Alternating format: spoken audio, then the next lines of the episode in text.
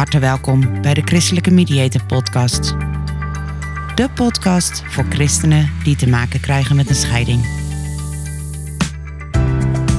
De gebrokenheid van dit leven gaat een christelijke gezinnen niet voorbij. In deze podcast geven we een stem aan al die christenen die in stilte worstelen met een scheiding. Ook besteden we aandacht aan de kinderen, die vaak machteloos aan de zijlijn staan.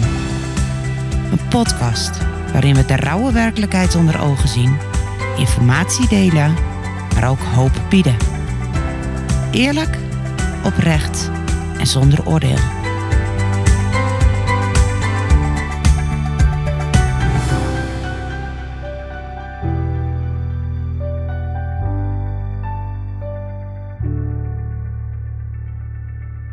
Welkom bij de Christelijke Mediator Podcast.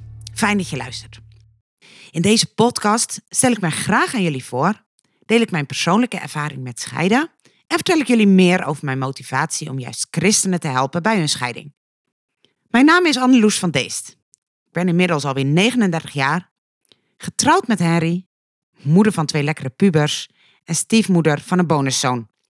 In deze podcast laat ik mijzelf interviewen door Henry. Henry is niet alleen mijn man, maar ook mijn collega. En erg leuk om zo met je in gesprek te zijn. Hey, je vertelt over je persoonlijke ervaring met scheiden. Hoe is dat zo gekomen? Kan je daar iets over vertellen? Ja, dan, dan ga ik alweer uh, heel veel jaren terug in de tijd. Rond mijn twintigste ontmoette ik Theo. Een man die een stuk ouder was dan ikzelf. Een, een lieve, geduldige, rustige man. Ik denk dat dat ook heel erg was wat mij in hem aantrok. Uh, hij was de, de, in die zin de stabiele factor zijn rust, zijn geduld, zijn, uh, ja, zijn denken vanuit een soort van logica.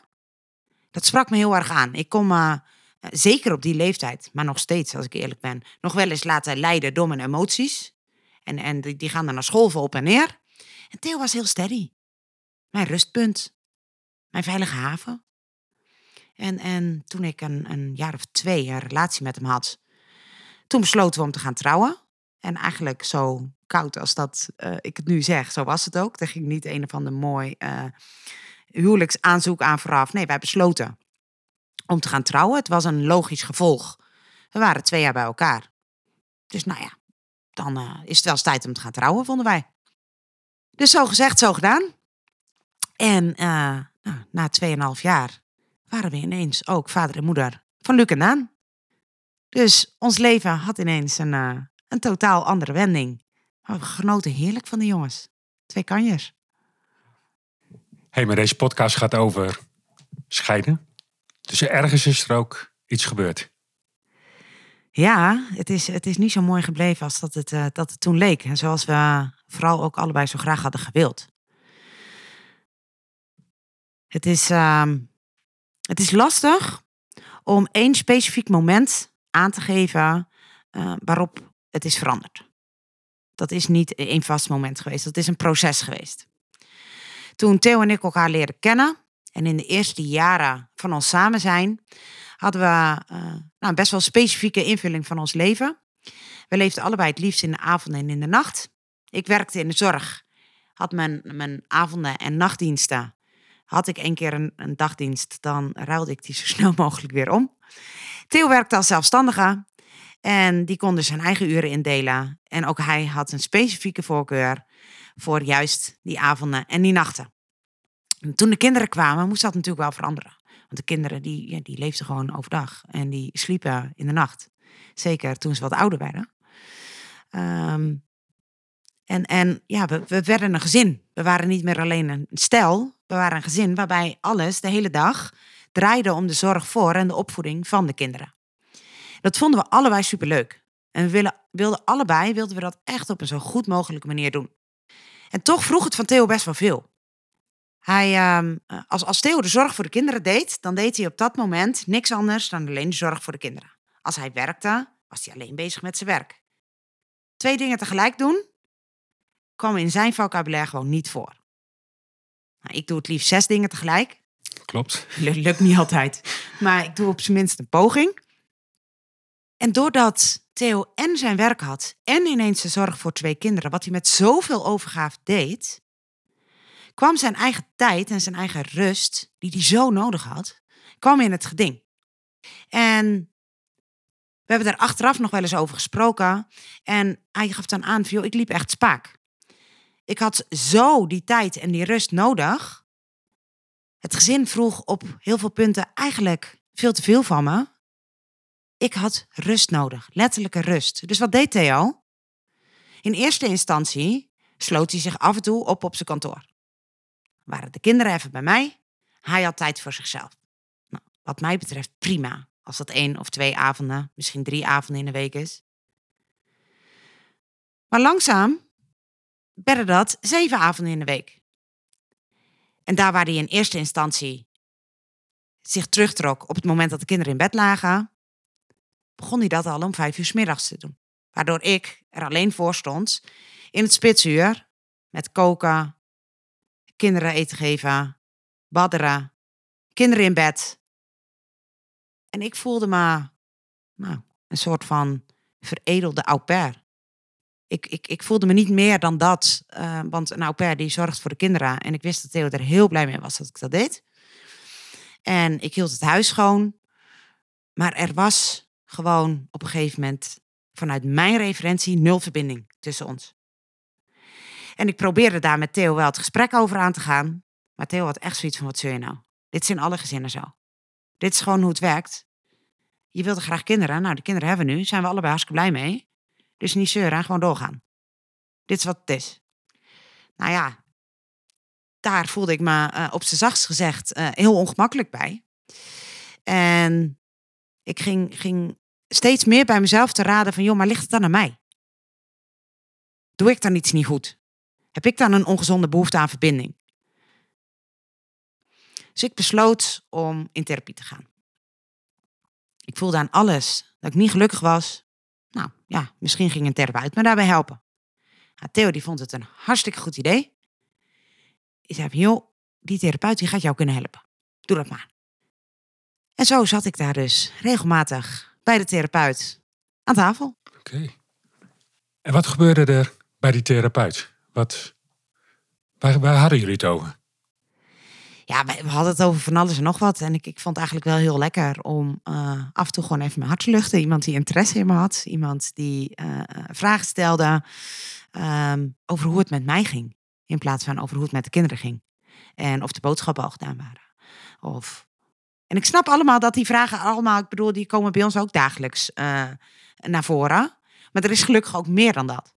En ik, ik maakte met haar, kwam ik er steeds meer achter.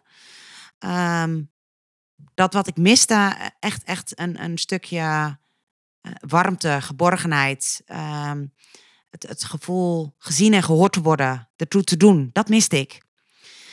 En zij liet mij ook inzien van, joh, je bent hartstikke welkom hier. Maar eigenlijk is individuele therapie niet de oplossing. Eigenlijk zouden jullie moeten gaan voor relatietherapie. Samen met Theo? Ja, ja dat kon ik niet alleen. Oké, okay, dus jij ging naar huis, je ging naar Theo. Wat was zijn reactie daarop? Nou, het duurde even voordat ik het überhaupt bespreekbaar durfde te maken. Want ik, ik uh, was een beetje bang voor zijn reactie. En in eerste instantie had hij ook zoiets van, joh, weet je, dat ga ik niet doen. Waarom zou ik in vredesnaam met een of andere suffe, grijze wollen sokken eh, figuur om de tafel gaan zitten en, en het gaan hebben over onze relatie? Het gaat toch allemaal prima? Ga goed met de kinderen? We redden het financieel allemaal? Ik, snap niet wat je probleem is. Dus dat, nee, dat moet je echt zelf uitzoeken. Hoe heb je hem dan in vredesnaam zover gekregen? Nou ja, eh, heel veel herhalen. Uh, ik denk dat er ook een, een periode, uh, er kwam ook een periode waarin we steeds meer in conflict kwamen met elkaar. En waarin ik um, nou ja, vanuit mijn machteloosheid en boosheid hem, hem, hem ja, van alles en nog wat verweet. En vooral verweet dat hij mij in de steek liet. En ik, ik, ik verweet hem dat hij geen oprechte aandacht had voor mij. Dat hij mij niet toeliet in zijn leven. Dat ik hem geen vragen mocht stellen. Dat ik niet meer echt een toenadering tot hem mocht hebben. En weet je, ik, ik vraag me wel eens af of dat voordat we kinderen hadden, of dat er dan wel was. Ik, ik vind dat die vraag vind ik altijd lastig te beantwoorden. Het enige wat ik wel weet is, toen miste ik het niet in deze hoedanigheid. Maar goed, uiteindelijk heeft Theo besloten uh, van joh, hij zag ook wel dat het zo niet langer kon. En hij zei joh, als het jou helpt, dan ga ik wel mee. Uiteindelijk uh, hebben we jarenlang in uh, relatietherapie gezeten. En ja, we eigenlijk helemaal niks op. Ik zag dat Theo wel zijn best deed in de gesprekken en dat hij wel um, nou ja, op zijn manier een, een bijdrage leverde.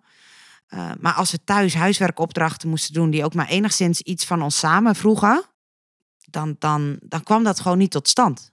En daarmee vroeg ik me steeds meer af van joh, hij lijkt het wel te willen, maar hij lijkt het niet te kunnen. En daardoor, nou, ik, ik, ik had veel tijd over. Um, maar uiteindelijk ging ik meer zoeken van, joh, wat, wat zou het nou kunnen zijn? Wat is hier nou aan de hand? Ik, het voelde alsof joh, er is meer aan de hand. En als zoekende kwam ik uh, op autisme uit. Nou ja, weet je, dat, dat was gewoon een van de opties. En eerlijkheid gebied me wel te zeggen dat ik, uh, als, als we ruzie hadden, dat nog wel eens naar hem schreeuwde dat hij een vreselijke autist was. Maar toch heb ik dat in de relatietherapie op een gegeven moment wel bespreekbaar gemaakt. Zo van, joh, ja, ik weet niet. Ik heb soms gewoon de indruk dat je een autist bent. Dus jij maakt het bespreekbaar met Theo? Hoe reageerde hij? Nou, ik heb er wel bewust voor gekozen om het tijdens de therapie bespreekbaar te maken. Omdat ik het best wel spannend en moeilijk vond om, hem daar, eh, om daar met hem het gesprek over aan te gaan. En ik was eigenlijk heel blij dat de therapeut zei van joh, nou, het is nog niet eens zo'n hele rare gedachte. Het lijkt mij een goed idee dat we gewoon eens een onderzoek gaan aanvragen. Nou, en, Theo die, die had zoiets van, ja, nou, ja, waarom zou ik dat doen? En de therapeut die maakte hem eigenlijk gelijk heel klein voor Theo. En die zei van, joh, er zijn twee mogelijke uitkomsten. Of het is wel waar, of het is niet waar. Dan weten we dat ook. En dan kunnen we op dat moment kijken van, joh, zit daar wel of niet een gevolg aan? Dus zo gezegd, zo gedaan. En uh, Theo die, uh, heeft braaf aan het hele onderzoek meegedaan. En hij vond het eigenlijk, zei hij, ik vond het nog best wel interessant. Allerlei vragen die hij kreeg en formulieren die hij moest vullen. Hij ging ook, ook hele gesprekken aan met die onderzoeker om uh, te weten waarom hij dat dan wilde weten. Theo was iemand die, die heel erg graag overal meer kennis van op wilde doen. Dus uh, hij, hij, hij had daar lekker, had het eigenlijk wel naar zijn zin. En hij, hij zei ook, als we het daar later nog over hadden, van joh, dat onderzoek, dat was voor mij het probleem niet hoor. Dat was eigenlijk wel prima. Maar goed, dan komt er een moment dat er een uitslag komt van ja. dat onderzoek. En er zijn momenten in ons leven die we allemaal nog weten. Zoals iedereen die weet nog waar die was toen hij hoorde dat de vliegtuigen door de Twin Towers uh, vlogen. We weten allemaal nog waar we waren toen we hoorden dat Pim Fortuyn was vermoord. En zo weet ik nog het moment dat ik in de auto zat naar dat onderzoek toe en dat ik een enorme steen in mijn maag had. En dat we daar naar binnen lopen. En die onderzoeker eigenlijk binnen 30 seconden van wal steekt. Die onderzoeker die zegt van joh, uit alle onderzoeken is gebleken dat u inderdaad autisme heeft. Namelijk, u heeft Asperger. Asperger is een vorm van bla bla bla bla. Die man die heeft nog een heel verhaal gehouden, maar mij was hij kwijt. Wat gebeurde er? Waarom was hij jou kwijt? Nou, hij was me kwijt omdat ik, ik had inmiddels had ik van alles gelezen over autisme. En ik wist ook van, joh, er is geen pilletje, er is geen medicijn, er is niks wat dit op gaat lossen. Dus ik dacht, en nu? Ik had eigenlijk gewoon gehoopt dat ze zeiden van nee, er is geen autisme uitgekomen, er is iets anders uitgekomen, daar hebben we een pilletje voor. En als u die neemt, dan bent u vanaf nu, leeft u nog altijd lang en gelukkig. Nou, bij wijze van. Ik wilde een oplossing. En dit maakte het niet makkelijker, dit maakte het ingewikkelder. En ik, ik voelde me ook schuldig. Dat ik dacht, oh, maar dan heb ik dus gewoon al die jaren, heb ik iets van Theo gevraagd, wat hij helemaal niet kon. Het verklaarde ook zo waarom we op totaal verschillende golflengtes zaten. Het was echt alsof hij Turks praatte en ik Chinees. En, en we begrepen elkaar gewoon niet. We bereikten elkaar niet. Nou, ik denk een goed besluit van die onderzoeker. Die zei van, joh, laten we er volgende week verder over in gesprek gaan. Laat dit eerst even bezinken. Heb het er samen over. En volgende week eh, hebben we een nieuwe afspraak. En dan stel ik voor dat de relatietherapeut er ook bij is. Dan kunnen we verder het gesprek aangaan. Dus een week later zaten we daar weer. En ik ben er echt naartoe gegaan met het idee van, joh, vandaag gaan we op zoek naar een oplossing. We weten nu wat er aan de hand is. En een probleem is er om op te lossen. Het probleem is over het algemeen een mooie kans om is opnieuw richting te geven en om op een nieuwe manier naar de dingen te kijken. Dit gaan we fixen. Dat is ook echt het gedachtegoed waar jij elke dag mee leeft. Dus ik snap hem heel erg goed. Dat is, ja, dat is wel, een, wel een beetje waar ik voor sta. Een, een, een probleem is een uitdaging. En een uitdaging kan je van leren. En dat maakt het leven over het algemeen uh, nog mooier en nog waardevoller. Maar goed, ik kwam naar binnen en, en ik denk ook dat ik iets gevraagd heb van joh, ik uh, ben vooral heel erg benieuwd uh, wat we nu gaan doen en, en hoe we dit gaan oplossen. En met kennis van nu legde ik het ook heel erg bij de therapeuten en bij de onderzoeker neer. Zij hadden het onderzoek gedaan, zij hadden de kennis, dus zij zouden nu wel de oplossing moeten aandragen. Want ik zag hem niet meer. Totdat die relatietherapeut zegt, gezien de aard van het autisme, gezien de leeftijd van Theo, zijn er eigenlijk twee opties.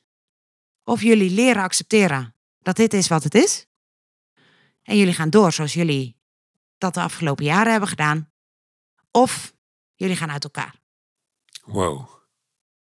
Ja, echt bizar. Wat had die beste man niet begrepen? We hadden al jaren relatietherapie.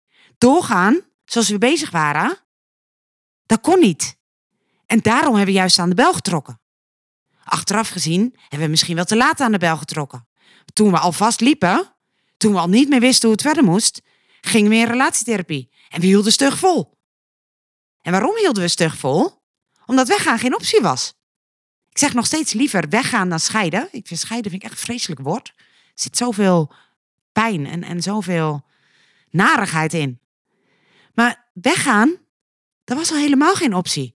Die man die had makkelijk praten, maar wist hij wel dat ik Theo had beloofd voor altijd. In voorspoed en in tegenspoed. In goede dagen en in kwade dagen. Ik had een verantwoordelijkheid naar mijn kinderen. Wij hadden een verantwoordelijkheid naar onze kinderen.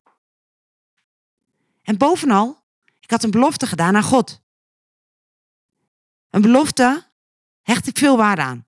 Als ik iemand iets beloof, zal ik er alles aan doen om die belofte na te komen. Alles. Ook nu. En dan komen ze met of u gaat door zoals u bezig was, of u gaat. Ik ben echt in, in, nou ja, in een soort van roes ben ik naar huis gegaan. En die mensen die snapten er helemaal niks van. En er moest gewoon een oplossing zijn. En die oplossing, jouw kennende, daar heb je heel hard over nagedacht. En die is er gekomen, of niet? Nou ja, uh, weet je, ik ben iemand die uh, graag naar oplossingen zoekt. En um, weet je, er, er, het was vooral op dat moment het gevoel van machteloosheid wat me zo overviel. Nogmaals, een probleem is er om op te lossen. En vertel mij dat ik op blote voeten moet lopen naar Rome en ik begin vandaag nog. Vertel me dat ik moet zwemmen naar Engeland. Ik ga nooit aankomen, maar ik ga wel beginnen. Ik ga ervoor. En hier wilde ik voor gaan. Maar deze opties, die konden niet. Dus nou, ik, ik vond uh, uiteindelijk toch een soort van middenweg. We woonden in een groot huis op een industrieterrein bij Theo's bedrijf. Dus ik bedacht, ik ga boven wonen. Ik zorg voor de kinderen zoals ik dat altijd doe. Als Theo de kinderen wil zien, Theo blijft beneden wonen en als hij de kinderen wil zien, joh, laat weten, één gilletje. We hadden één keer per week hadden we een overleg, want dan moest het even praktisch. Wanneer moest ik werken, en wanneer moest dit en wanneer moest dat. En op de een of andere manier vond ik dat wel prettig. Er was wat rust, er was wat afstand. De verwachtingen lagen anders. En ik werd niet continu geconfronteerd met een, een gevoel van pijn en eenzaamheid. Ik, ik kon echt eventjes een soort van orde op zaken stellen. Ja, uiteindelijk kwam Theo bij onze wekelijkse evaluatie. Het klinkt eigenlijk ook bizar als ik er zo over nadenk. En als ik het zo zeg. Maar bij onze wekelijkse evaluatie zei Theo: Joh, die kan zo niet langer. Ik kan dit niet. Je bent er wel, je bent er niet. De kinderen zijn er wel en ze zijn er niet. Theo was iemand die leefde voor zwart of wit. En mijn optie, die was grijs. En ook daarin weer, hij kon het honderd keer willen, maar hij kon er niet mee omgaan.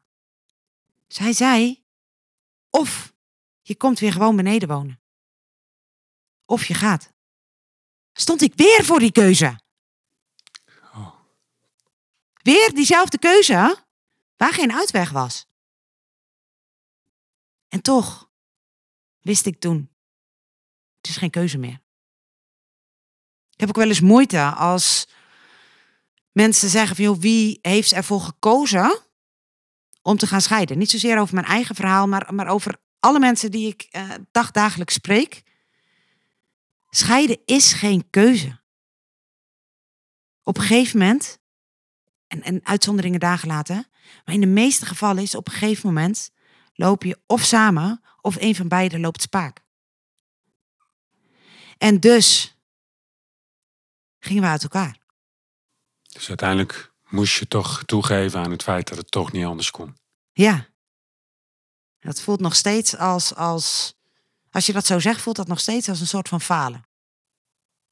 Ja. En waarom is dat voor jou falen? Hoe moeilijk kan het zijn?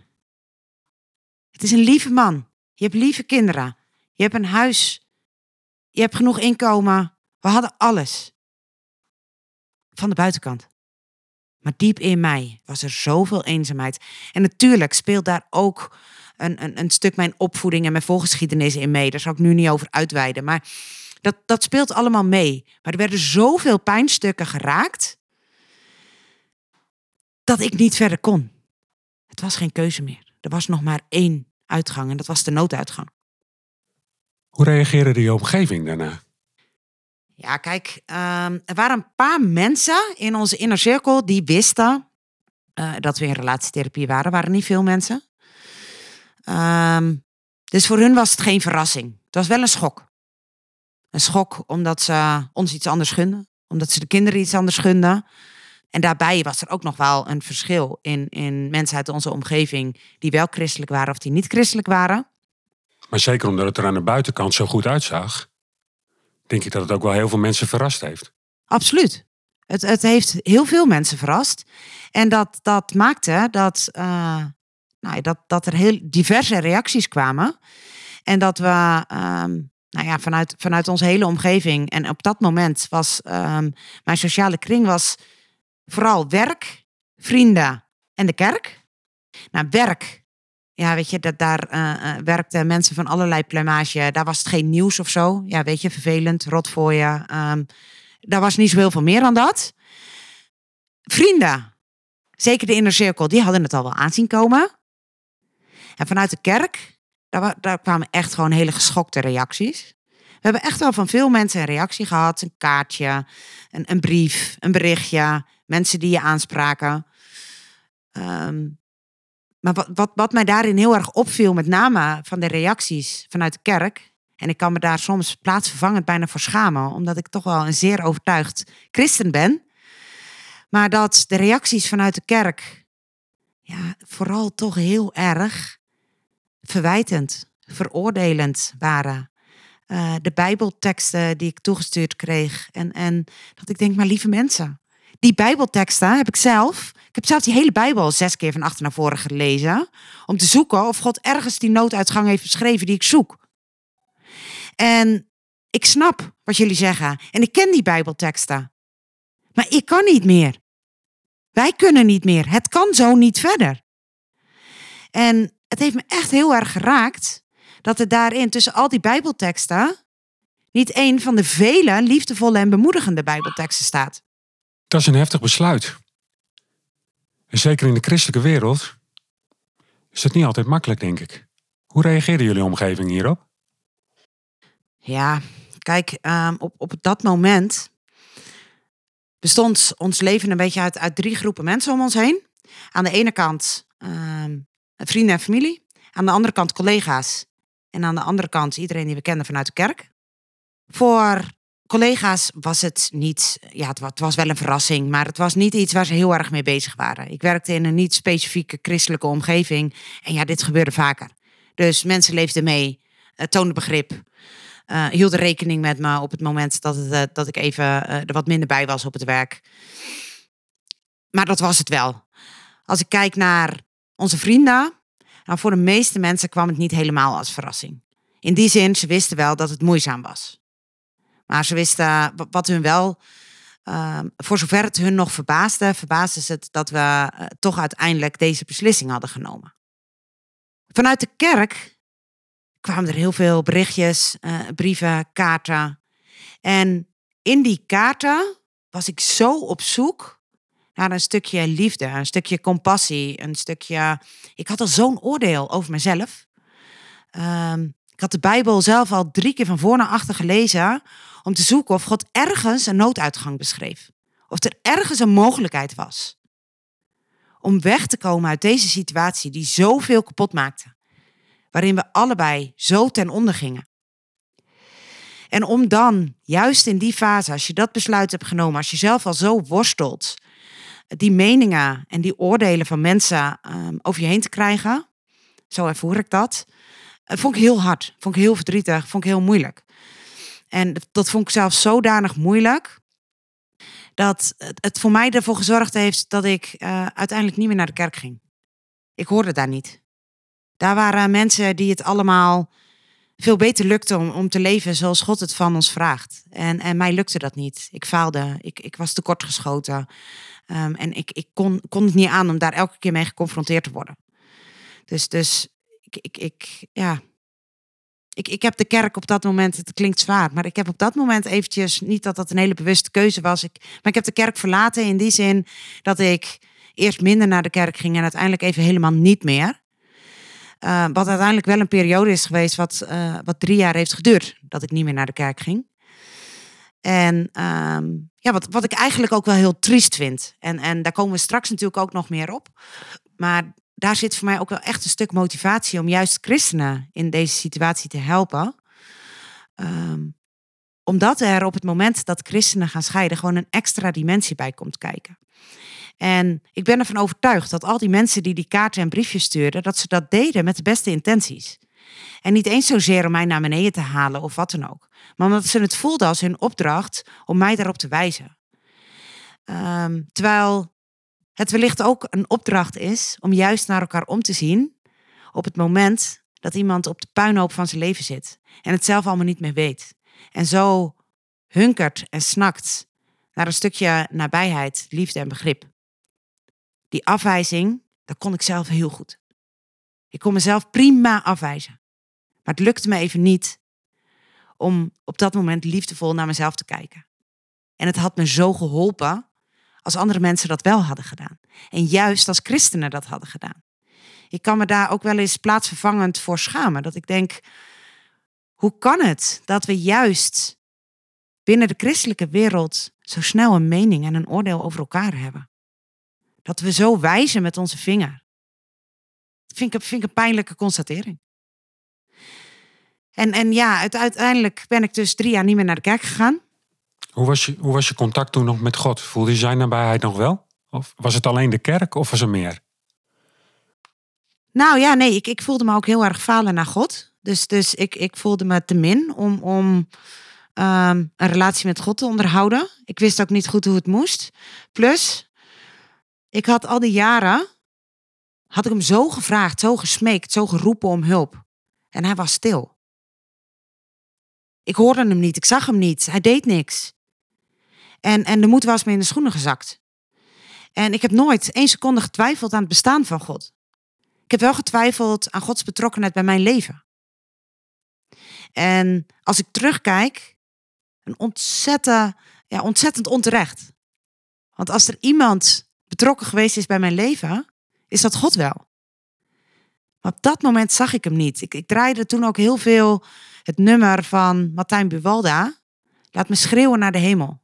Mijn longen uit mijn lijf. Maar ook, wilt u mij misschien niet horen? Dan zoek ik het zelf wel uit. Die, die boosheid, die machteloosheid, die was er ook wel degelijk. Ik voelde me zo in de steek gelaten. Dus een mengeling tussen uh, intens falen en me heel erg in de steek gelaten voelen. En ehm, ja, dat, dat heeft er gewoon uiteindelijk toe geleid dat ik heel lang niet naar de kerk geweest ben. Uiteindelijk, dat was samen met jou, uh, ben ik toch weer een, een zoektocht aangegaan naar een, een, een kerk die bij ons past. En um, nou, ik zal nooit vergeten die allereerste keer dat we daar in de kerk zaten.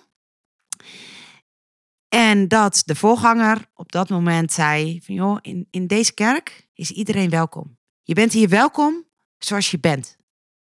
We zijn met elkaar een kunstwerk van gebrokenheid. Als je die woorden, het zijn maar een paar woorden, een kunstwerk van gebrokenheid. Drie woorden die zoveel zeggen. Een kunstwerk is per definitie mooi of zo. En de gebrokenheid mag een onderdeel zijn van de kerk. Hij, hij lichtte dat uiteindelijk in, in zijn preek nog verder toe, in dat hij zei, de kerk is een soort van ziekenhuis. We hebben allemaal onze mankementen, maar we mogen met z'n allen bij elkaar komen. Als er iemand is die ons kent en ziet, als iemand is die weet waar we doorheen gegaan zijn, dan is hij het. En dat was gewoon een gevoel van thuiskomen. Ik heb daar zo zitten huilen dat ik dacht, maar dit is de God waar ik, waarin ik geloof. En die God is er altijd geweest. Alleen er was een fase dat ik hem even niet kon zien. Dat ik hem bewust of onbewust even heb losgelaten. Maar hij heeft mij nooit losgelaten. En dat wil ik ook heel erg meegeven aan alle mensen die we elke dag opnieuw helpen. God laat jou niet los. En dat zien we ook terug als we verder kijken in je leven.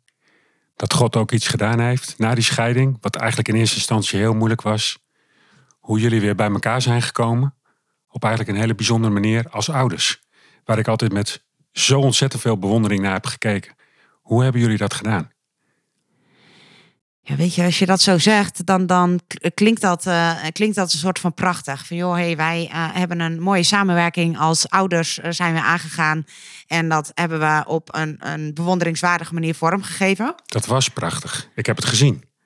Dat klopt, dat klopt. Maar er is wel wat aan vooraf gegaan. En, en zonder daar, daar heel erg over uit te wijden. maar het was voor ons echt heel erg een zoektocht. Want je gaat scheiden. Um, je moet ineens een manier vinden om uh, er nog allebei als papa en mama voor de kinderen te kunnen zijn. Dat vraagt om een samenwerking. Die samenwerking ging tijdens het al niet heel lekker. Um, dus, en ja, hoe ga je dat dan doen als je uit elkaar bent? En Theo die had het plannetje al klaar. Die zei van, joh, weet je, um, de kinderen zijn op zaterdag en op zondag zijn ze bij mij. En van maandag tot vrijdag zijn ze bij jou. Nou, ik zat hem echt aan te kijken alsof hij gek geworden was. Ja, nee, dat leek hem echt de allerbeste oplossing. Nou, ik snap dat dat hem de allerbeste oplossing leek. Um, maar ik stond alles behalve te juichen. Ik begreep Theo wel. Theo die kon niet twee dingen tegelijk. Hij kon niet en werken en voor de kinderen zorgen. En op deze manier kon hij in het weekend voor de kinderen zorgen en door de week werken. Ik ben uiteindelijk akkoord gegaan met zijn voorstel. Maar met heel veel pijn en heel veel moeite. En vooral heel veel verdriet. Het feit dat ik elke dag moest haasten en rennen om die kinderen naar school te krijgen. Om mijn werk te doen. Ik moest inmiddels fulltime werken. Om ook gewoon mijn hypotheek te kunnen betalen. En, en om mijn dingen te kunnen doen. Om voor de kinderen te kunnen zorgen enzovoort. En het was gewoon een, een soort van rennen, racen om alles rond te krijgen. En ja, laten we eerlijk zijn, de quality time met kinderen, die is dan toch vooral op zaterdag en zondag. En zeker omdat ze nog zo jong waren. Ik bedoel, ze gingen relatief vroeg naar bed. Ja. Dus hou je heel weinig tijd over. Nou ja, zeer, zeer weinig. Ik bedoel, de, de woensdagmiddag, dat had ik voor elkaar gekregen om die vrij te zijn en met de kinderen te zijn. Maar dat betekende wel dat als de kinderen op bed lagen, dat ik nog moest werken om die uren van de woensdagmiddag in te halen. En ja, het was gewoon uh, een praktische oplossing. En ik denk ook wel een beetje een oplossing ingegeven vanuit een schuldgevoel. Ik voelde me zo schuldig naar de kinderen um, onze keuze, onze volwassen beslissingen, die hadden hun leven voorgoed veranderd. Alles wat voor hun vertrouwd was, werd ineens onzeker. En ja, dit, dit was dan de beste oplossing. Dus ik heb dat besluit met mijn verstand genomen. En we zijn het zo gaan doen. Nou, in de eerste maanden was het alles behalve zoals jij omschrijft. Met dat wij dat allemaal zo netjes deden. Maar toen kende ik jou natuurlijk nog niet. Ehm, om de havenklap liepen we vast. Ik belde Theo om even te overleggen.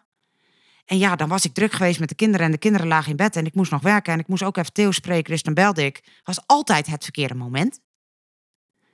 Als de kinderen op zondag in de kerk zaten, zaten ze met verkreukelde bloesjes. Dat ik denk, hallo, kan je niet gewoon even zorgen dat de kinderen één keer per week gewoon een net gestreken blouseje aan hebben? Totdat er zelfs momenten kwamen dat Luc, de oudste, in een blouseje van Daan met drie kwart mouwtjes in de kerk zat. Nou, ik kon daar heel slecht tegen. Dus ik ging daarover het gesprek aan. Nou, dat liep dan weer niet heel lekker af, dus het volgende conflict was geboren. Ik had in die periode had ik een coach. Een coach om mijn leven opnieuw richting te geven en, en om te sparren over alles waar ik tegenaan liep. Nou, en geloof mij, bovenaan, elke week stond bovenaan de agenda de communicatie met Theo. Want dat was niet eenvoudig. Die coach heeft mij geholpen om mij tot het inzicht te brengen dat ik na de scheiding nog steeds hetzelfde deed als tijdens mijn huwelijk. Ik verwachtte iets van Theo wat hij niet kon. Hij praatte Turks en ik Chinees. En ik bleef heel hard Chinees praten, soms letterlijk heel hard. En hij bleef Turks praten, maar we begrepen elkaar niet helemaal. Of helemaal niet, laat ik maar zeggen. Dus nou, dat, uh, dat was een, een, een pijnlijke constatering eigenlijk wel. Hé, maar ik deed dus nog steeds precies hetzelfde. En daar waar clichés er zijn, omdat ze waar zijn, over het algemeen. Als je doet wat je altijd deed, krijg je wat je altijd kreeg. Dus er was niks veranderd. Dit moest anders. We moesten veel meer duidelijke afspraken maken.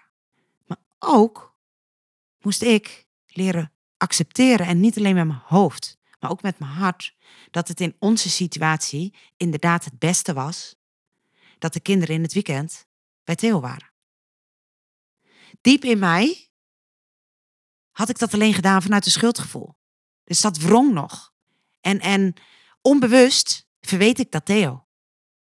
Maar hoe kon ik hem iets verwijten? Waar hij ook niet voor gekozen had. Wij hadden samen de verantwoordelijkheid om het te fixen voor onze kinderen. En eigenlijk kon ik ook wel weten dat Theo niet heel handig was met die kleertjes van de kinderen. Hij was ontzettend kleurendoof, dus het paste niet bij elkaar. Maar hij was al lang blij als die kinderen gewoon kleren aan hadden. En ja, drie kwart mouwen, ach, het is toch ook een blouse? Dus wij zijn toen om de tafel gegaan en hebben het gesprek gevoerd over, joh, wat verwachten wij nou eigenlijk van elkaar? Want joh, ik bel altijd op het verkeerde moment. Laten we dan een belafspraak maken. Dus vanaf dat moment belden wij elke dinsdagavond om half negen. Het journaal was dan klaar. Belden we om half negen en bespraken we de dingen die besproken moesten worden. En belangrijk voor Theo, ook als er niks was om te bespreken, belden we toch even. Want als je zegt dat je elke week belt, bel dan ook elke week. Theo die legde uit van joh, ik word helemaal geen wijs uit de kleren van de jongens. Weet je, ze hebben dan hebben ze maat 128. En vervolgens blijkt ineens drie weken later dat diezelfde maat 128 die ik voor Luc had opgeschreven, dat die verdaan is. En strijken, ik weet niet eens hoe het moet. Dus kan je me niet helpen daarbij? Nou, ja, weet je, ik, ik was best bereid een hoop te doen, maar ik vond die vraag echt wel lastig. Dus ik zei ook, ja, weet je, daar moet ik even over nadenken. Dat weet ik niet. En wat ik me toen steeds meer ging realiseren, en wat ik iedereen wil adviseren die in een scheiding zit, ik realiseerde me dat ik heel erg bezig was hoe het hoort te zijn na een scheiding. En misschien is het tegenwoordig zelfs wel een beetje zo dat na een scheiding moet je ruzie hebben met elkaar.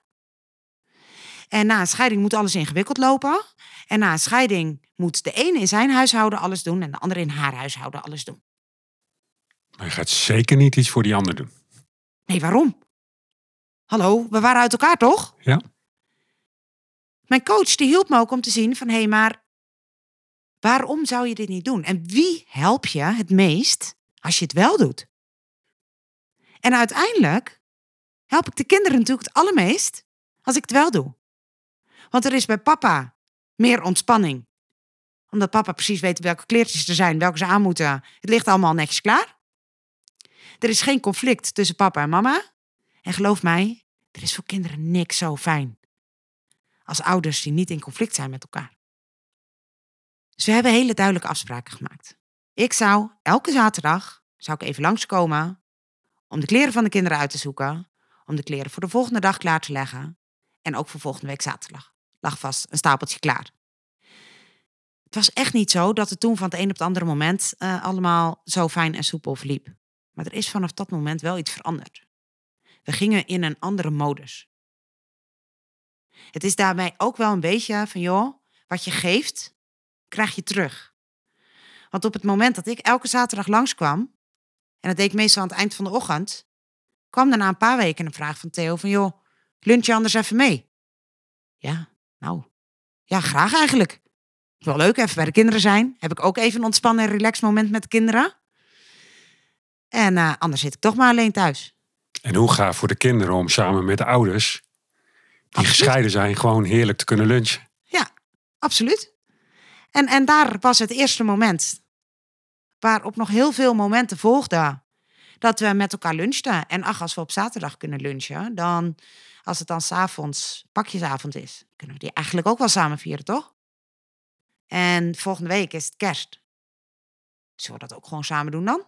Anders zit er één van beiden zonder de kinderen. En ik vind het eigenlijk wel gezelliger dan alleen thuis. Zo kwamen er steeds meer momenten die we als gezin toch nog samen konden doen. Waarbij het heel duidelijk was dat de relatie er nooit meer in zou zitten. Hebben we overigens ook bewust voor gekozen om het heel vaak tegen de kinderen te zeggen. Papa en mama zijn niet meer verliefd op elkaar. Maar we vinden het nog wel steeds fijn om af en toe tijd met elkaar door te brengen. Maar we zullen nooit meer in hetzelfde huis gaan wonen. Met de kennis van nu heeft die boodschap van joh, we zullen nooit meer in hetzelfde huis gaan wonen, wel een andere lading gekregen. Daarmee wilden we heel erg duidelijk maken naar onze kinderen, zo van joh, kinderen blijven hopen dat hun ouders weer bij elkaar komen. Ook Luc en Naan. En hiermee was het voor hun heel fijn, heel veilig en was het ook gewoon gezellig. Dat ze veel tijd samen met papa en mama door konden brengen. Dus ik snap als je zegt van joh, toen ik jou leerde kennen, um, nou, je, je zegt wel eens van joh, waren jullie misschien wel dat, dat ideale uh, gescheiden gezin? Absoluut. Wij hadden het na de scheiding, hadden we het fijner dan dat we het ooit tijdens ons huwelijk hebben gehad. En voor ons had dat heel erg te maken met dat we aan de ene kant continu uitspraken dat we een gezamenlijk doel hadden. Dat het voor Luc en goed was. Maar ook dat de verwachtingen naar elkaar helder waren. En we hadden geen verwachtingen meer ik, ik verwachtte niet meer van hem dat hij uh, um, mijn uh, zorgen aan zou horen. Of dat uh, hij me zou troosten als ik verdrietig was. Of ik verwachtte niet meer om intiem met hem te zijn. Ik verwachtte niks meer van hem. We waren alleen nog samen papa en mama. En het is best heel gaaf dat met alle worstelingen en strijd en ruzies en conflicten en therapieën en weet ik veel wat we allemaal hebben gehad, dat het ons samen is gelukt en we met vlag en wimpel zijn geslaagd om dat zo goed mogelijk vorm te geven na de scheiding. En het blijft een feit dat als het kan op een harmonieuze manier, dat het voor kinderen het fijnste is om op te groeien met papa en mama in één huis. Maar ik ben ervan overtuigd dat in onze situatie we hier het maximale uit hebben kunnen halen voor onze kinderen. En ja, daar, daar ben ik gewoon heel blij mee en dankbaar voor. Terecht. En daar heb je ook genoeg voor gedaan. Zeker. Ja. Hey, maar je zei net al eventjes van, joh, hè, we gingen niet meer in één huis wonen. Ja. Dat is wel een bruggetje naar, uh, ja, toch een wat minder leuk deel. Ja, naar een volgend minder leuk deel van ons leven eigenlijk. Ja, een heel heftig deel. Ja. Het was uh, drie jaar na de scheiding dat uh, Theo opbelde. En uh, hij had enorme buikpijn. 112 moest gebeld. En nou, hij lag een paar dagen in het ziekenhuis. En omdat hij buikpijn had, hadden ze ook wat foto's van de rest van zijn lichaam gemaakt. En toen kwamen ze tot de constatering dat hij in zijn hele lichaam kanker met uitzaaiingen had. Ja, dat, dat, dat bericht dat kwam bij ons, eh, weet je, dat, dat hoorde hij en daarmee ik ook ehm, op Oudjaarsdag. En het is, uh, ja, het, het is om letterlijk stil van te worden. We waren zo uit het veld geslagen, want het was ook gelijk, meneer, we kunnen niks meer voor u doen. U heeft nog maximaal twaalf maanden te leven. Het eerste wat je dan denkt, hoe ga je in vredesnaam? Twee kleine kinderen, die al door een scheiding gegaan zijn, vertellen dat hun vader, waar ze zo dol op zijn, waar ze zo gek mee zijn, dat ze daar afscheid van moeten nemen. Dat de volgende keer dat het vuurwerk is, papa er niet meer zal zijn. Ja, weet je, dat daar, daar, ik, kan, kan zoeken naar woorden, er zijn nog steeds geen woorden voor te vinden. Nee, dat is zo, daar kan je geen woorden aan geven. Dat is zo intens heftig. Weet je, uh, op dat moment kenden wij elkaar natuurlijk al wel. Ja. Um, en en um, op, op 31 december, oudjaarsdag, kregen we het bericht. En een paar dagen later zei de arts, omdat u uh, tumoren in uw hersenen heeft, mag u niet langer alleen zijn met uw kinderen. Nou ja, daar komt weer uh, um, mijn, mijn oplossingsgerichtheid, of in ieder geval het zoeken naar oplossingen, komt naar voren. Van ja, u kunt niet meer alleen zijn met uw kinderen. Maar wacht even, um, deze kinderen die hebben al het grote verdriet dat ze afscheid moeten nemen van hun vader. Uh, deze vader heeft al de intense pijn dat hij zijn kinderen niet kan zien opgroeien. Daar gaan we nu natuurlijk niet zeggen van nou, ze zijn eigenlijk elk weekend bij je, maar dat doen we nu niet meer, want dat kan niet. Dat mag niet van de dokter. Dus weet je wat, we komen wel elk weekend op bezoek. Weet je, dat kon niet. En ja, het, was eigenlijk niet eens zo'n hele uh, ingewikkelde beslissing. Maar dat ik uh, toen bij jou, wij woonden toen nog niet in hetzelfde huis. Dus op dat moment ben ik met jou het gesprek aangegaan. En, en ik zei, joh, Henry, ik moet mijn huurhuis opzeggen. Ik moet bij Theo gaan wonen. Met de kinderen. Het kan niet anders dan dat de kinderen gewoon elke dag bij papa moeten zijn. En dat papa elke dag tijd met zijn kinderen door kan brengen. En ik was best wel een beetje huiverig voor jouw reactie. Weet je, wat zou dat doen? Uh, zo heel lang kenden wij elkaar ook nog niet op dat moment. Nou ja, je kan eigenlijk zelf eh, het beste iets vertellen over, over jouw reactie op dat moment. Ja, eigenlijk was het voor mij heel simpel en, en heel logisch wat je zei omdat ik zo kon voelen dat de kinderen inderdaad hun vader moesten zien. En dit was de meest logische oplossing. En waarom niet? Ik bedoel, ik kende Theo inmiddels goed. Ja. Jullie konden goed met elkaar overweg. En er was nog beperkt tijd voor Theo, voor de kinderen, om elkaar nog, ja, hoe moet je dat eigenlijk zeggen? Tijd met elkaar door te brengen. Ja, om nog tijd te hebben. Dus uh, ja, weet je, ik, ik was natuurlijk ontzettend dankbaar met uh, het feit dat jij zo reageerde en eigenlijk gelijk vol overtuiging uh, zei: Dit is wat je moet doen? Er was geen seconde twijfel. Nee, ja, terwijl ik, ik vraag me wel eens af, stel nou dat het andersom was geweest. Uh, ik denk dat ik het best lastig had gevonden als jij had voorgesteld uh, om weer bij je ex te gaan wonen. En, en ik, ja, ik ben je in die zin tot op de dag van vandaag dankbaar dat dat voor jou nooit een rol heeft gespeeld. En, en wellicht heeft daarin ook meegeholpen dat uh, als ik op zaterdag de was ging doen uh, bij Theo en ging lunchen uh, bij Theo en bij de kinderen, dat jij dan ook altijd meeging. En dat was eigenlijk vanaf het eerste moment. Echt, leer mijn mannen begrijpen, ik snap er niks van. Maar jullie vonden elkaar vanaf het eerste moment aardig en, en jullie hadden het leuk met elkaar. Um, het kwam zelfs voor dat jij even de stad in moest en dat ik gewoon even bij hem bleef. En dan gingen wij even muziek luisteren of iets leuks met elkaar bespreken. En ja. dan ging jij even weg. Nou, als je het dan hebt over uh, een, een, een, God die zijn betrokkenheid laat zien in ons leven, uh, heb ik die daar zeker gezien en ervaren. Al moet ik ook wel zeggen dat ik dat vooral terugkijkend. Op dat moment was het niet dat ik dacht van, oh, wat hebben we toch een, een mooie God die naar ons omziet. Ik vond het echt wel heel erg moeilijk dat wij in deze situatie waren gekomen. En dat vooral de kinderen in deze situatie waren gekomen. En dat je, dat je kinderen van zeven en negen jaar jong ehm, moet vertellen dat hun eh, vader zal komen te overlijden. Dat je kinderen, dat je vragen moet beantwoorden, maar mama, doodgaan, hoe ziet dat er dan uit? Komt er dan heel veel bloed? Dat je kinderen elke avond de vraag krijgt, is papa er morgen nog? Dat kinderen elke ochtend naar papa's slaapkamer rennen om te kijken of papa nog wel leeft. En toch werd dat heel snel ons nieuwe normaal. En in eerste instantie hebben we ervoor gekozen, uh, weet je, jij had gewoon je eigen huis, je had je werk en weet ik veel. Um, dus, dus jij uh, uh, leefde jouw leven en je was in het weekend, was je vaak bij ons. En ik woonde met kinderen bij Theo. Maar uiteindelijk kwam er, ja, Theo had steeds meer zorg nodig. En vanuit zijn autisme was Theo heel duidelijk. En zei hij van, joh, um, geen vreemde hulpverleners in mijn huis. En by the way, ik wil nooit naar het ziekenhuis. Ik wil gewoon thuis blijven. En jij werkt in de zorg. Dus joh, jij kan toch gewoon voor mij zorgen? Dat was zijn heilige overtuiging, ja. Hij kon niet anders. Hij vond het zo moeilijk om, om iemand anders toe te laten in zijn huis. Dat, dat heeft hij me ook verteld, dat weet ik nog. Ja, weet je, hij, hij, hij kon dat niet. Maar ik vond het best heel ingewikkeld. Want uh, ja, weet je, aan tafel zitten uh, met je ex-partner, dat is prima. Want ik zat eigenlijk niet aan tafel met mijn ex, maar ik zat gewoon aan tafel met de vader van mijn kinderen. En ik was weer gaan wonen bij de vader van mijn kinderen.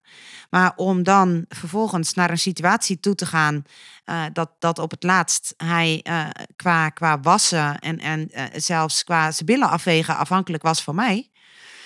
Um, dat, dat vroeg veel. En, en ik, ik zou het zo weer doen. Sowieso die hele periode zou ik zo weer doen. Maar het was wel een intense uh, periode.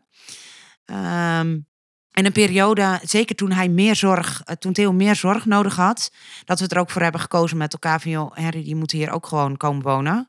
Dan kan jij voor de kinderen zorgen, kan ik voor Theo zorgen. En dan kunnen we het zo met elkaar doen. Uiteindelijk heeft die uh, beloofde twaalf maanden, tenminste beloofde, de prognose van twaalf maanden, was het ineens na vier maanden hield ineens Theo's leven op.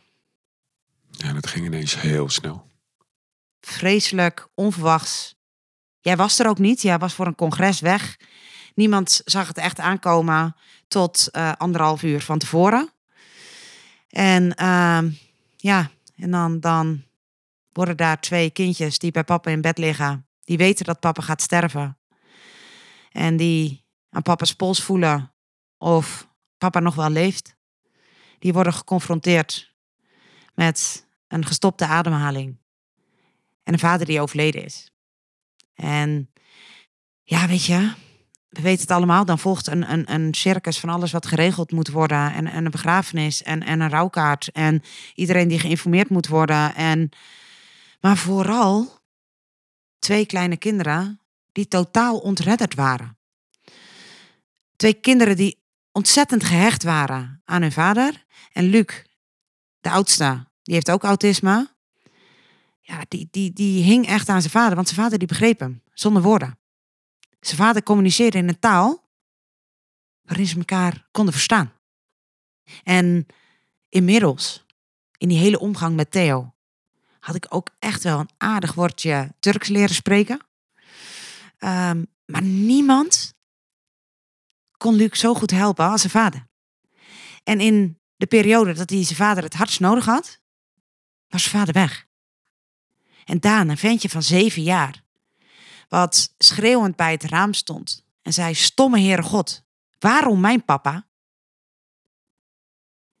Die kinderen, die, die ik wou, zeggen moesten, maar het is vooral mochten wij helpen, steunen, sterken om, om dit enorme verlies een, een, een, een plek te geven. En dat heeft uiteindelijk ook gemaakt dat daar waar dat helemaal uh, onze eh, planning niet was, voor zover we iets plannen in ons leven, wij noodgedwongen uh, ineens een gezin vormden uh, in, in, in zo'n situatie. En nou ja, dat, dat laat ook wel weer ontzettend de veerkracht van kinderen zien. Want ik denk dat wij met heel veel momenten meer moeite hebben gehad als kinderen die heel veel verdriet hadden maar die hun tranen konden drogen en een voetbal konden pakken en die gingen voetballen. Dan was het verdriet er even niet. Nee. Nee. Hey, deze periode heeft er ook voor gezorgd dat je andere keuzes hebt gemaakt in je leven. Ja, zeker. Ehm, ik, ik werkte op dat moment uh, als teammanager in een zorginstelling. En ik, ik, ben, uh, ik ben heel veel over mijn leven na gaan denken. En, en ook wel over het feit dat het leven zo klaar kan zijn. En over hoe dankbaar ik was. Um, weet je, ik vertelde over mijn boosheid en, en, en mijn frustratie ten tijde, uh, of de eerste maanden na de scheiding. En mijn frustratie over dat de kinderen elk weekend bij Theo waren. En op dat moment was ik ineens zo dankbaar dat ze maximaal van hun vrije tijd hadden kunnen genieten met hun vader. En mijn tijd zou later nog komen. Um, maar ook dat ik steeds meer inzag hoe bijzonder het eigenlijk was dat wij echt hadden leren samenwerken als ouders. En ik realiseerde me, dit is voor andere mensen ook mogelijk. We zitten vaak zo vast in ons stramien. Als je gaat scheiden, moet je ruzie maken, moet je zorgen dat je het onderste uit de kant krijgt, moet je zorgen dat, nou weet ik veel allemaal. Waar heb je recht op? En, en nou, we hebben allemaal rechten en weet ik veel, maar we hebben vooral een plicht. En die plicht is samenwerken als ouders. En dat is geen eenvoudige plicht. Ik weet als geen ander dat het niet eenvoudig is. Maar vooral weet ik als geen ander dat het wel mogelijk is. En daar wilde ik meer mee gaan doen. En dat heeft gemaakt dat ik uiteindelijk voor heb gekozen om best wel rigoureus mijn baan in de zorginstelling op te zeggen. Want ik wist, er ligt een ander pad voor mij. Er ligt een pad voor mij om als mediator en scheidingsspecialist andere ouders te gaan helpen in deze ontzettend ingewikkelde fase van hun leven. Dus ik heb besloten de opleiding te gaan volgen.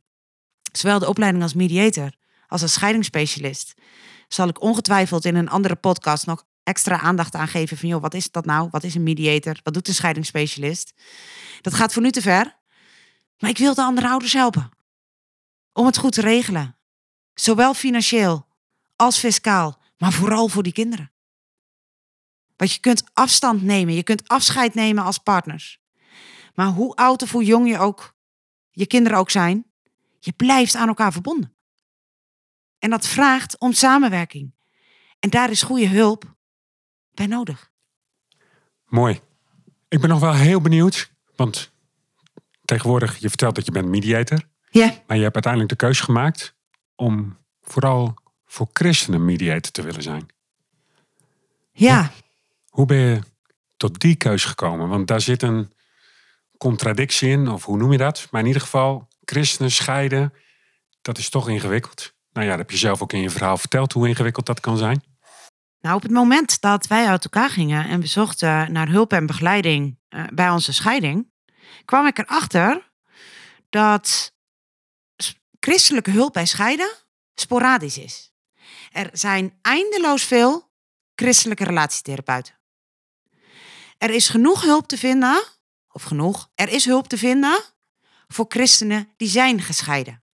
Maar het specifiek helpen om die scheiding te regelen, die was er vanuit de christelijke hoek, werd die gewoon nagenoeg niet aangeboden. En in eerste instantie verbaasde me dat. Maar toen ik daar later meer over na ging denken, ben ik dat ook wel iets meer gaan begrijpen. Uh, vanuit de gedachtegang die veel mensen hebben. Als christen mag je niet scheiden. Dus mag je dan wel als christen andere mensen helpen te gaan scheiden? Wat je zegt. Christelijke mediator. Het kan niet, het mag niet samen. En toch heb ik er bewust voor gekozen om dat wel te doen. En dan moet ik ook eerlijk zijn, ik vond dat in eerste instantie en soms nog wel eens best spannend. Um, ik zat niet weer te wachten op meningen en oordelen van mensen om me heen. Ik had geen behoefte aan mensen die zeiden: Hoe kan je dat nou doen als christen? Dan ben je toch wel echt een slechte christen. Dan heb je toch wel gefaald. Als christen moet je werken aan relatieherstel. En toch heb ik ervoor gekozen. En waarom? Omdat ik weet, omdat ik zie dat we in een gebroken wereld leven. In die gebroken wereld, daar kunnen we twee dingen mee doen. We kunnen hem ontkennen en wegstoppen en mensen in stilte laten lijden. Met alle gevolgen van dien. Wat we nu ook in de praktijk zien. Mensen die gaan scheiden. En waarbij je eigenlijk menselijkerwijs zegt: deze mensen hadden vijf jaar geleden moeten gaan scheiden. Want er is inmiddels zoveel leed, zoveel schade. Tot aan buitenechtelijke kinderen aan toe. Omdat mensen het harnas ervaren, ik mag niet scheiden. Ik ben ervan overtuigd, God wil niet dat wij gaan scheiden. Maar ik ben er ook van overtuigd dat we een God hebben die weet dat we in een gebroken wereld leven. En die gebrokenheid gaat aan christelijke gezinnen niet voorbij. En ik kies ervoor. Om even plat gezegd, mijn kop niet in het zand te steken. Maar om naar deze mensen mijn hand uit te steken. En te zeggen, ik ben er voor jou. Wij zijn er voor jou. Zonder mening, zonder oordeel. Bij ons ben je welkom. Gewoon zoals je bent. Het is niet aan mij om er een oordeel over te hebben. Weet dat we een God hebben die jou kent, die weet waar je vandaan komt, die weet wat je worsteling is. Maar bovenal dat we een God hebben van liefde, een God van vergeving en een God van genade. Die rauwe werkelijkheid van scheiden speelt ook een rol in het leven van christenen. En we mogen daar niet voor weglopen. Christenen verdienen het om hulp te krijgen van mensen die hun taal spreken. Mensen die hun worsteling kennen. Die begrijpen waar zij doorheen gaan. Want laten we nou even eerlijk zijn. Als er geen christelijke mediators zouden zijn. Zouden die mensen dan niet gaan scheiden? Natuurlijk niet. En dan wil ik mijn nek uitsteken. Ondanks wat ik net ook zeg, dat het wel eens spannend is. En dat we ook echt regelmatig van mensen te horen krijgen dat dit als christen niet kan. Wij kiezen ervoor om onze nek uit te steken voor die eenzame man en die eenzame vrouw. Die in stilte worstelen. Die zich voelen falen. Die zichzelf geen plek in de kerk gunnen. Terwijl God een ereplekje voor hun heeft. Die het zelf niet meer weet. Die het zelf niet meer kan. God heeft een ereplekje voor je.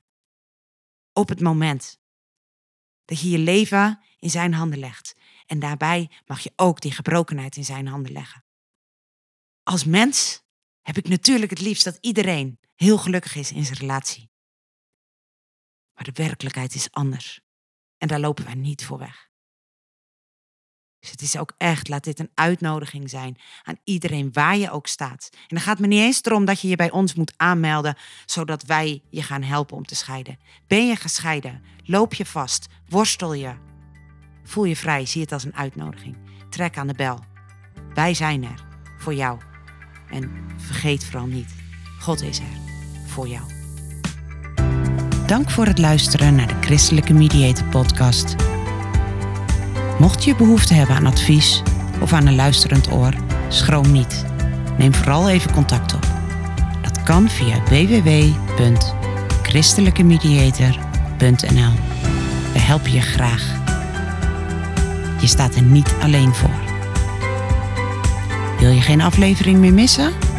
Abonneer je dan op de podcast in je favoriete luisterapp.